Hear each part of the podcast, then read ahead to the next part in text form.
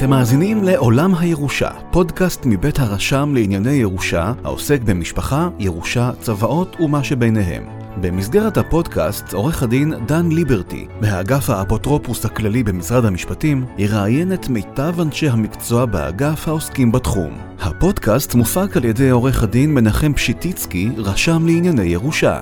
התוכן נועד לידע כללי והעשרה בלבד, ואינו מהווה תחליף לייעוץ משפטי. האזנה מהנה ומועילה. כאן עורך דין דן ליברטי, ואיתי הרשמת לענייני ירושה, עורכת הדין ציפי פרנקו קריסי, ממחוז תל אביב והמרכז. בוקר טוב. בוקר אור. אז אנחנו מדברים היום על גנאולוגיה. מה זה גנאולוגיה? אז תרשה לי קודם לתקן אותך, ממה שאני יודעת אה, איך שאומרים את זה נכון, זה גנאלוגיה, תיקנת אותי. למרות שכולם קוראים לזה גנאולוגיה. למעשה זה חקר אילנות אה, יוחסין, הרכבי משפחה, כשאנחנו רוצים לדעת מי המשפחה שלנו, מה ענפי המשפחה שלנו, זה למעשה גנאולוגיה. זה נכון שזה בא מלטינית, מהמילה גנוס? כן, כן. גנוס אני, זה משפחה, נכון? גם אני שמעתי שגנוס זה, זה משפחה, וכנראה שזה אה, מהמילה הזאת ביוונית, כן. אז זו, זו, זו באמת אה, תורה, תורה קדומה, תורה שלנו מלאה במשפחולוגיה. לגמרי. במיוחד העם היהודי. אז הנה אני שואל, היום, 2022, למה לי גנאולוגיה עכשיו? מי צריך את זה בכלל? אז ככה, אה, למעשה, הצורך בגנאולוגיה אה, מתעורר הרבה פעמים אה, בהליכים משפטיים שנוגעים ליורשים. כשבן אדם רוצה לרשת אדם אחר שנפטר, והוא יודע שהוא יורש, הוא צריך להגיש בקשה לצו ירושה אחריו. העניין הוא שלא תמיד הוא היורש היחידי. יש יורשים נוספים עליו. ברוב המקרים, ברוב המכריע של המקרים, כשאדם מגיש בקשה כזו, הוא יודע מי היורשים. הוא יודע שיש בן זוג לבן אדם שנפטר. כל- כלומר, אם אני מבין אותך, במשפחה נורמלית, נכון? במצב השכיח, אנחנו לא נתקלים בבעיות. נכון נכון? מאוד. ברוב המכריע של המקרים, בן אדם מגיש בקשה לצו ירושה על טופס, הטופס הזה הוא טופס מאוד מובנה, הוא צריך לרשום אם יש בן זוג לבן אדם שנפטר, אם יש ילדים, אם אין, אז הוא צריך לדעת האם יש אחים ואחיות, וכן הלאה. ברוב המקרים, הבן אדם שהגיש את הבקשה מצהיר מי הוא ומה קרבתו למנוח, ומי היורשים האחרים. לעתים הוא מברר לפני שהוא מגיש את הבקשה, הוא פונה לקרובי משפחה אחרים, מצרף אה, תצהירים שלהם, וכך יש לנו הרכב משפחה מלא ברוב המקרים. כשאת אומרת מלא, את יכולה לפרט יותר מה זה מלא? הרכב משפחה מלא, זה אומר שאנחנו יודעים שהבן אדם נפטר בשנה מסוימת, אנחנו יודעים אה, אם יש לו בן זוג, אם יש לו ילדים, וזה נותן לנו את הרכב המשפחה המלא שלו, כך שניתן לתת צו ירושה אחריו לפי החוק. הורים, סבים, דודים. זה מתחיל מ... זה, זה נקרא שיטת הפרנטלות בחוק הירושה אה, שלנו. הפרנטלה הראשונה זה הקרובים אליך ביותר, שזה בן, בת זוג, והצאצאים כלפי מטה, זאת אומרת ילדים ונכדים.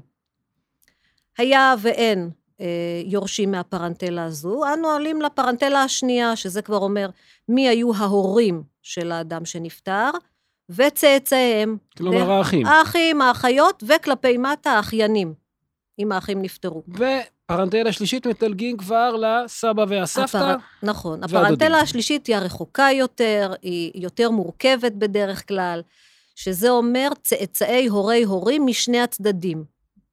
להקל, הכוונה היא לדודים ודודות של המנוח משני הצדדים. זאת אומרת, דודים ודודות מצד אמו, דודים ודודות מצד אביו. רגע, אז בוא נעצור כאן. בוא... את אומרת בדרך כלל העניינים בסדר, מסתדרים. אדם יודע, ברוך השם, מאבא, מאימא, אחים, אחיות, נכדים, אולי אפילו נינים. אז בואי, מתי, תני לי מקרה פשוט אפילו. מתי מתחיל, מתי מתעוררות שאלות? המקרים שאנחנו יכולים לפנות או עשויים לפנות לגנאולוג, הם המקרים המורכבים יותר. בדרך כלל מדובר במקרים של הפרנטלות הרחוקות יותר, שזה דודים ובני דודים. הרי כשיורש מגיש בקשה, הוא יודע מה הקרבה שלו למנוח. הוא מגיע מצד האימא או מצד האבא. לגבי צד האימא, הרבה פעמים הוא יודע מה הענפים, זאת אומרת, מי האחים והאחיות של האימא של המנוח, והצאצאים שלהם, ואם הוא לא יודע, אז הוא פונה לקרובי המשפחה האחרים מאותו צד, ומגיש תצהירים. היו לאימא חמישה אחים, את השמות שלהם, הצאצאים שלהם, וכו' וכו'. אבל הקושי הגדול הוא, מה קורה עם הצד השני? יורש שמגיע מהצד של האימא, לא בחובה מכיר את הצד של האבא. באופן די ברור, לא מכיר את הצד של האבא, אלא אם כן זו משפחה מאוד מאוד קשורה, ו- והם גרים בסמיכות, ו- והם מכירים, ויש אה, קשרים מאוד מאוד. ברוב המקרים אתה לא יודע מי היורשים מהצד השני של האבא, מי הדודים והדודות של המנוח מצד האבא. ואז יש איזשהו קושי. אם יש בן דוד בחיים מהצד הזה, אתה יכול לפנות אליו, והוא משלים לך את הרכב המשפחה. הבעיה מתחילה שיורש מגיש בקשה, הוא אומר, אוקיי, אני יורש, אני בן דוד, אני יודע מי הדודים והדודות האחרים, אין לי מושג מי היורשים מהצד השני. אין לי אפילו קצה חוט. אני לא יודע אם היו, אם לא היו, כמה היו, אם נפטרו. כשאין לנו קצה חוט, לא ניתן לתת צו ירושה במצב הזה, ולרשום שאותו בן אדם שהגיש את הבקשה הוא היורש היחידי. אתה לא יכול, כי אין לו את הרכב המשפחה המלא. ואז במצב הזה אנחנו צריכים לתת פתרון. אוקיי, אתה לא יודע אם יש יורשים מלבדך, צריך עכשיו להוכיח את הרכב המשפחה. אז איך מוכיחים? אז זהו. שעד לפני 20-30 שנה, אה, בתי המשפט הטילו נטל מאוד מאוד כבד על היורש, והוא היה צריך להוכיח בראיות מאוד מאוד פוזיטיביות וברורות מי היורשים האחרים. וזה נטל כבד מאוד. לך תוכיח שאין לך עוד אנשים. נכון. אז זה בעצם מחדד שאלה שעולה מהדברים שלך, אם בא בן דוד כזה, והוא בא מצד האימא, כמו שתיארת, והוא אומר, כן, אתאר, מצד האימא, באתי מצד האימא, יש את פלוני, אלמוני ופלמוני. ומצד האבא אני גם מכיר את כל עולם ואשתו. זה מה שיש. אז אנחנו מקבלים את מה שהוא אומר כתורה מסיני? תראה, אם אנחנו רואים שיש לו ידע אישי בעניין, שהוא עשה ברורים, שיש לו תצהירים תומכים, אנחנו רואים שבאמת יש לנו איזשהו הרכב משפחה, אין איזושהי שאלה או קושי כאן, שאולי הוא ככה שכח כאן איזה ענף או משהו. אם אני רואה שיש אה, ראיות ברורות למישהו שמכיר ויודע אפשר גם לחקור בבית משפט, אל תשכח שלפעמים אה, הבקשות לא מסתיימות אצל הרשם לענייני ירושה ומגיעות לבית משפט. חוקרים את העדים, בודקים עד כמה הידע שלהם אמין ומהימן. ואם אתה מתרשם שבאמת זה הרכב המשפחה, נותנים צו ירושה. אל תשכח גם שצווי ירושה ניתן לתקן. זה לא תורה מסיני, לפעמים אה, אה, אפשר להגיש בקשות לתיקון צווי ירושה. אני, אני שואל שאלה, אני אחדד אותה אולי יותר. באופן בסיסי, אנחנו סומכים על מה שאומר בן אדם? באופן בסיסי, כן. ברירת המחדל היא שבן אדם מגיש בקשה לצו ירושה ומצהיר מידע אישי, זה הרכב המשפחה, אתה צריך לסמוך עליו. אין לנו דרך, אנחנו לא נתחיל לבדוק כל בקשה. לא נצא לא, מזה. בדיוק, בדיוק. עכשיו, המקרים הקשים יותר הם מה שאמרתי, שאתה יודע מה קרבתך למנוח, אבל אין לך מושג האם יש עוד יורשים מלבדך. אה, ועם וזה השני... קורה הרבה? זה, זה קורה בעיקר בהרכבי המשפחה המורכבים יותר, זאת אומרת, לא בפרנטלות ה... ה לא במעגל אחד לא ושתיים. לא ממעגל ראשון ושני, אלא יותר מהמעגלים הרחוקים יותר. אה, ואז בית המשפט אמר, רגע, אנחנו לא רוצים להטיל נטלים כל כך כבדים כמו שהטילו בעבר. לך תוכיח שאין לך עוד אחים בראיות ברורות וחד משמעיות, אלא נלך על אה, משהו שהוא יותר אה, אפשרי. והם קראו לזה שקידה סבירה, או חיפושים סבירים נקרא לזה. אתה צריך להראות בחיפושים סבירים שעשית, מה איתרת. רגע, זאת... אני רוצה לעצור פה. הנה, פרקטיקה. מה זה חיפוש סביר?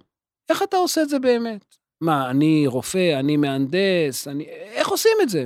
עכשיו לך תחפש קרובים בכל העולם? מה? אז קודם כל, מה זה שקידה סבירה? בית משפט בזמנו, כשקבע את ההלכה הזאת לעניין החיפושים, אמר שקידה סבירה צריכה להיות אה, חיפושים אה, במקומות אפקטיביים, חיפושים יעילים, לאורך שנים, כמובן גם בהתייחס לגודל העיזבון, אם העיזבון הוא קטן או גדול, אם העיזבון הוא מאוד מאוד גדול, גם החיפושים צריכים להיות ברמה הזאת שהם יהיו הרבה יותר אה, מאומצים. רגע, זו נקודה מעניינת. כלומר, את אומרת ככה, שבית משפט בפרקטיקה יצר גם מדד, אנחנו רגילים להגיד תמיד דין פרוטה כדין מאה, אבל בית משפט יצר פה מדד שאמר, יש יחס ישיר, לא אחיד, בין גודל העיזבון לבין אה, עומק החיפוש. לגמרי. לגמרי. כשמדובר בעיזבון קטן, אתה לא מצפה עכשיו שבמשך שנים יוציאו הוצאות כבדות ונכבדות. יותר מערך כל העיזבון. לאתר, כן. בדיוק, ואז לא, לא שווה לך אה, אה, לעשות את זה. ולכן בית משפט אמר שיש יחס ישיר בין גודל העיזבון לגודל החיפושים, למשך החיפושים. צריך לשים לב גם מתי המנוח נפטר. אדם שנפטר לפני שנה, אה, זה לא אותו דבר כמו אדם שנפטר לפני 30 או 40 שנה, ואף אחד לא בא אה, לדרוש את הירושה. אז צריך לשים לב גם על הדברים האלה. זה... אז רגע, רגע. את אמרת גנאולוגיה, נכון? יש דבר כזה גנאולוג? כן, יש דבר כזה. אז עכשיו, איפה הוא בתמונה? אז זהו. כשאתה מבקש מיורש, תעשה לי בבקשה שקידה סבירה. הנה, אתה אומר שאתה היורש, אבל בוא תתחיל לחפש בצורה של חיפושים סבירים ותפנה. היורש לא יכול לעשות את זה, היורש זה האדם הרגיל, הסביר, אין לו את המומחיות הזאת בלהתחיל לחפש. איפה הוא יחפש? למי הוא יפנה? איפה הוא ימצא דברים? זה, זה איזשהו תחום מומחיות שנוצר עם הזמן ועם ההלכה הזאת. זאת אומרת, כשאומרים ליורש, מי יורש יחד איתך, בוא תראה לנו שעשית שקידה סבירה, הוא צריך לפנות למישהו שהוא מומחה בתחום, וזה בדיוק הגנאולוג. הגנאולוג הוא זה שיודע לאן לפנות, איפה לחפש, לא, ב, ב, בכל מדינה הוא יודע למי לפנות, לאיזה ארכיבים, לאיזה מקורות מידע בכתב ובעל פה. אה, ולכן... אפשר ללמוד את המקצוע הזה בצורה מקצועית? ככה לקבל תואר בגנאולוגיה? ממה שאני יודעת, נכון להיום אין תואר בגנאולוגיה. לפחות בישראל.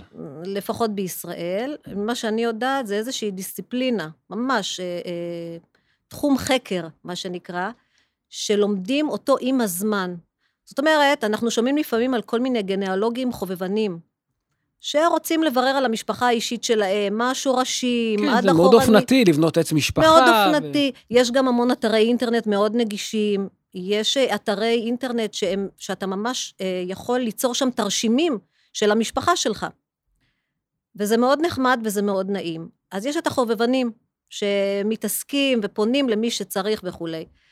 ויש... אבל את אומרת אצל הגנאולוג, זה עוד כלי בארגז הכלים. אני צודק. הוא הרבה יותר מתוחכם, הוא אמור להיות יותר מקצועי. בוודאי. זה, זה תחום שנרכש עם, עם הזמן, עם הניסיון. אתה יודע למי לפנות. בכל מדינה אתה יודע איפה לחפש, למי לפנות, לאיזה מקורות מידע לפנות. ולכן זה תחום חקר שבאמת נבנה עם הזמן ועם הניסיון. לצערי, אין לנו היום אה, יותר מדי גנאולוגים, אה, כיוון שזה באמת תחום שנצבר עם הזמן ועם הניסיון. בית משפט נדרש אה, לאחרונה אולי לכישורים של גנאולוג, אולי דיבר קצת על המקצוע הזה, כי אני חושב שלי לפחות זה היה חידוש, בוא נאמר, לא קטן, לשמוע על המעורבות של הגנאולוגים בדיני הירושה. כן, דווקא לאחרונה ניתן איזשהו פסק דין במסגרת ערעור, אה, שבו טענו נגד כישורים של גנאולוג שנתן חוות דעת. חוות דעת מאוד מפורטת, שהוא עשה אותה במשך שנים, אבל נטענו טענות של המערערים נגד הכישורים, הם לא רצו שיקבלו את חוות הדעת, ובמסגרת אה, הערעור הזה באמת בית, המ... בית המשפט נדרש לדון מה זה גנאולוג, מה הכישורים שנדרשים לבן אדם הזה. אה, מה חידש בית המשפט? ומה חידש בית המשפט? גם הוא התייחס לכך שמדובר בחקר המשפחות, חקר אילנות יוחסין, שיש גנאולוגים חובבנים ויש גנאולוגים מקצועיים יותר, וכל אחד בתחומו והכול בסדר. אה, ולמעשה, כל חוות דעת נדרשת לביקורת שיפוטית של בית משפט. זאת אומרת, מבחינת בית המשפט נקבע שהגנאולוג הוא כמו כל עד. כמו כל עד שמביא את עדותו בפני בית המשפט. הוא עד מומחה. בדיוק, ו- וניתן לחקור אותו. ככה גם הגנאולוג, הגנאולוג מציג את חוות דעתו, מראה מה הוא עשה, מצרף לזה אסמכתאות. ובית המשפט יכול לחקור אותו ו- ולהתייחס כמה, על פני כמה שנים זה נעשה, לאן הוא פנה, אה, אה, מה הוא עשה, האם הוא באמת מיצה את החיפושים. הוא, הוא נדרש לעדות הזאת כמו כל עדות. האם את רואה בחזונך מצב שבו יש אה, גנאולוג מטעם היורש, וגנאולוג מטעם המתנגד, וגנאולוג מטעם בית משפט? כן, בוודאי. זאת אומרת, ברגע שיורש... מומחה. יורש מגיש בקשה, ואומר, אה, אה, אני יורש, אבל אני לא יודע מי הם שאר היורשים, יכול לפנות לאנשי מקצוע אה, שקוראים לעצמם גנאולוגים, וחוות הדעת שלהם יכולה בסופו של דבר להיבחן על ידי בית המשפט, לראות האם זו באמת חוות דעת רצינית, האם באמת הבן אדם הזה אמין, האם יש לו מספיק ניסיון בתחום הזה, כמה חוות דעת הוא נתן עד היום, הוא יכול לחקור את הגנאולוג על הדברים האלה, לראות במשך כמה שנים... כמו כל מומחה, נכון, כמו למ... כל מומחה בבית משפט. בוודאי, כמו כל מומחה בבית משפט, ולתת לזה את המשקל הרלוונטי. אמ, הייתי מבקש ממך קצת להרחיב על משהו ששומעים מעת לעת, אבל לא כל כך יודעים. איפה היועץ המשפטי לממשלה נכנס? למשל, שומעים את זה בדרך כלל בסיפורים של אנשים עריריים שנפטרים בגפם ומשאירים אני לא יודע, ירושות, אולי צוואות, איפה, איפה המעורבות פה של גנאולוגים והיועץ המשפטי לממשלה? זה יכול להיות במקרים של אה, בקשות לצווי ירושה, שמישהו מגיש בקשה אה, אחר המנוח, ועולה ספק אה, בעיני היועץ המשפטי לממשלה שאולי הוא בכלל לא יורש, שאולי הוא באמת לא קרוב משפחה של המנוח הזה, שאולי יש כאן איזשהו, איזושהי בעייתיות. למה? כי האדם נפטר ערירי ופתאום מופיע מישהו שיורש אותו? כי לפעמים מצליבים מידע מתיקים קודמים שיש בידי היועץ המשפטי לממשלה, ועולה שאין אדם כזה, או שאין קרוב משפחה כזה, או ש... אה, אה, לא ברור באמת מה קרבתו, אה, למרות שהוא טוען שהוא כן יורש. ואז מי שמדליק את הנורות זה בעצם היועץ המשפטי נכון, לממשלה. נכון. בכובעו כ... משיב לכל בקשה לצו ירושה וצו קיום צבא. היועץ המשפטי הוא, הוא המשיב לבקשות האלה. הוא זה שקורא את הבקשה ונותן את תגובתו לפני שניתן הצו. זאת אומרת, הוא בעצם שומר סף. נכון. כך גם לגבי בקשות לצווי קיום צוואה, יש מקרים, אה, יש מקרים לא, לא, לא מעטים, שמוגשת צוואה לקיום על ידי מישהו שאולי אין לו קרבה משפחתית. יכול להיות מכר, שכן, נהג מונית, כבר נפגשנו בהרבה מאוד אה, מקרים. אה, ולפי הצלבת נתונים קודמת שיש ליועץ המשפטי, עולה שאולי יש ספקות בתקפות הצוואה הזאת, עולה שאולי הבן אדם שכתב את הצוואה לא היה בכלל כשיר באותו מועד שהוא ערך את הצוואה, או שאולי השפיעו עליו, או שאולי יש כאן איזשהו זיוף. אז רגע, רגע. מי יבקש בסיטואציה כמו שאת מתארת את הכניסה של הגנאולוג לתמונה. אז לא מיד נכנסים לקטע של חוות דעת גנאולוגית, קודם כל מבררים על תקפות הצוואה, זאת אומרת, לגופו של עניין אנחנו מנסים לבדוק האם באמת הצוואה הזאת נראית תקפה, האם באמת יש ראיות למי שהגיש את הצוואה לקיום, שבאמת הצוואה הזו תקפה, אם זה מסמכים רפואיים לעניין הכשירות וכו' וכו'. אה, במקרה שאותו זוכה אומר, אין לי מושג, הרבה פעמים הם אוהבים להגיד, המנוח היה ערירי, ללא בני משפחה, אני היחידי שהכרתי אותו, אני היחידי שעזרתי לו, לכן הוא נתן לי את כל עזבונו, הנה, יש לי צוואה, בבקשה. היועץ המשפטי צריך לשקול האם במצב כזה הוא יתרשם שבאמת הצוואה תקפה, אחרי שהומצאו לו כל הראיות על ידי אותו זוכה, או שלא, או שהוא רוצה לדעת מי עלול להיפגע אם הצוואה הזאת תקוים. אולי הוא לא ישתכנע שהצוואה הזאת תקפה. כלומר, בעברית שלנו, אולי יש עוד יורשים. אולי יש יורשים על פי דין שעלולים להיפגע. זאת אומרת שהם יכולים להתנגד לצוואה הזאת ולהגיד, סליחה, מי הוא בכלל? אנחנו צריכים לרשת, הצוואה הזאת לא תקפה. אבל זה מסור לשיקול הדעת של היועץ המשפטי נכון, לממשלה. נכון, לגמרי. זה שיקול דעת מלא של היועץ המשפטי לממשלה. למקרה. מההתרשמות שלו, ממה שהומצא לו, הוא בוחן את הראיות שהומצאו לו, ואם הוא מגיע למסקנה שיש צורך כאן ב... אה, אה, לבדוק מי הם היורשים על פי דין ולקבל את עמדתם, ואין קצה חוט לאותם יורשים על פי דין, הרבה פעמים מגיעים לבית משפט, והיועץ המשפטי לממשלה אומר, אני מבקש שתוגש לי חוות דעת גנאולוגית כדי לברר מי הם היורשים על פי דין. זה נחוץ כאן כיוון שיש ספקות מאוד, יש תמיהות לגבי הצוואה הזאת. בית המשפט גם הוא מתרשם, ואם הוא סבור שבאמת הוא רוצה כאן את הצד שכנגד, הוא יכול לבקש חוות דעת גנאולוגית. תודה. תודה. למדנו דבר אחד והרבה יותר על גנאולוגיה. אז הנה, מתברר שיש ביקוש למקצוע, אז אפשר להמליץ, לא? בהחלט. לכו תלמדו גנאולוגיה. לכו תלמדו, לכו תתעסקו בחקר ענפי משפחה, תתחילו משלכם ותתקדמו. חיים טובים וארוכים. תודה, תודה, תודה. ציפי, ולהתראות. תודה לך. תודה שהייתם איתנו בעוד פרק של עולם הירושה, פודקאסט מבית הרשם לענייני ירושה, העוסק במשפחה, ירושה, צוואות ומה שביניהם. אתם מוזמנים להאזין לנו בכל אפליקציית פודקאסטים שאתם אוהבים. להתראות בפרקים הבאים.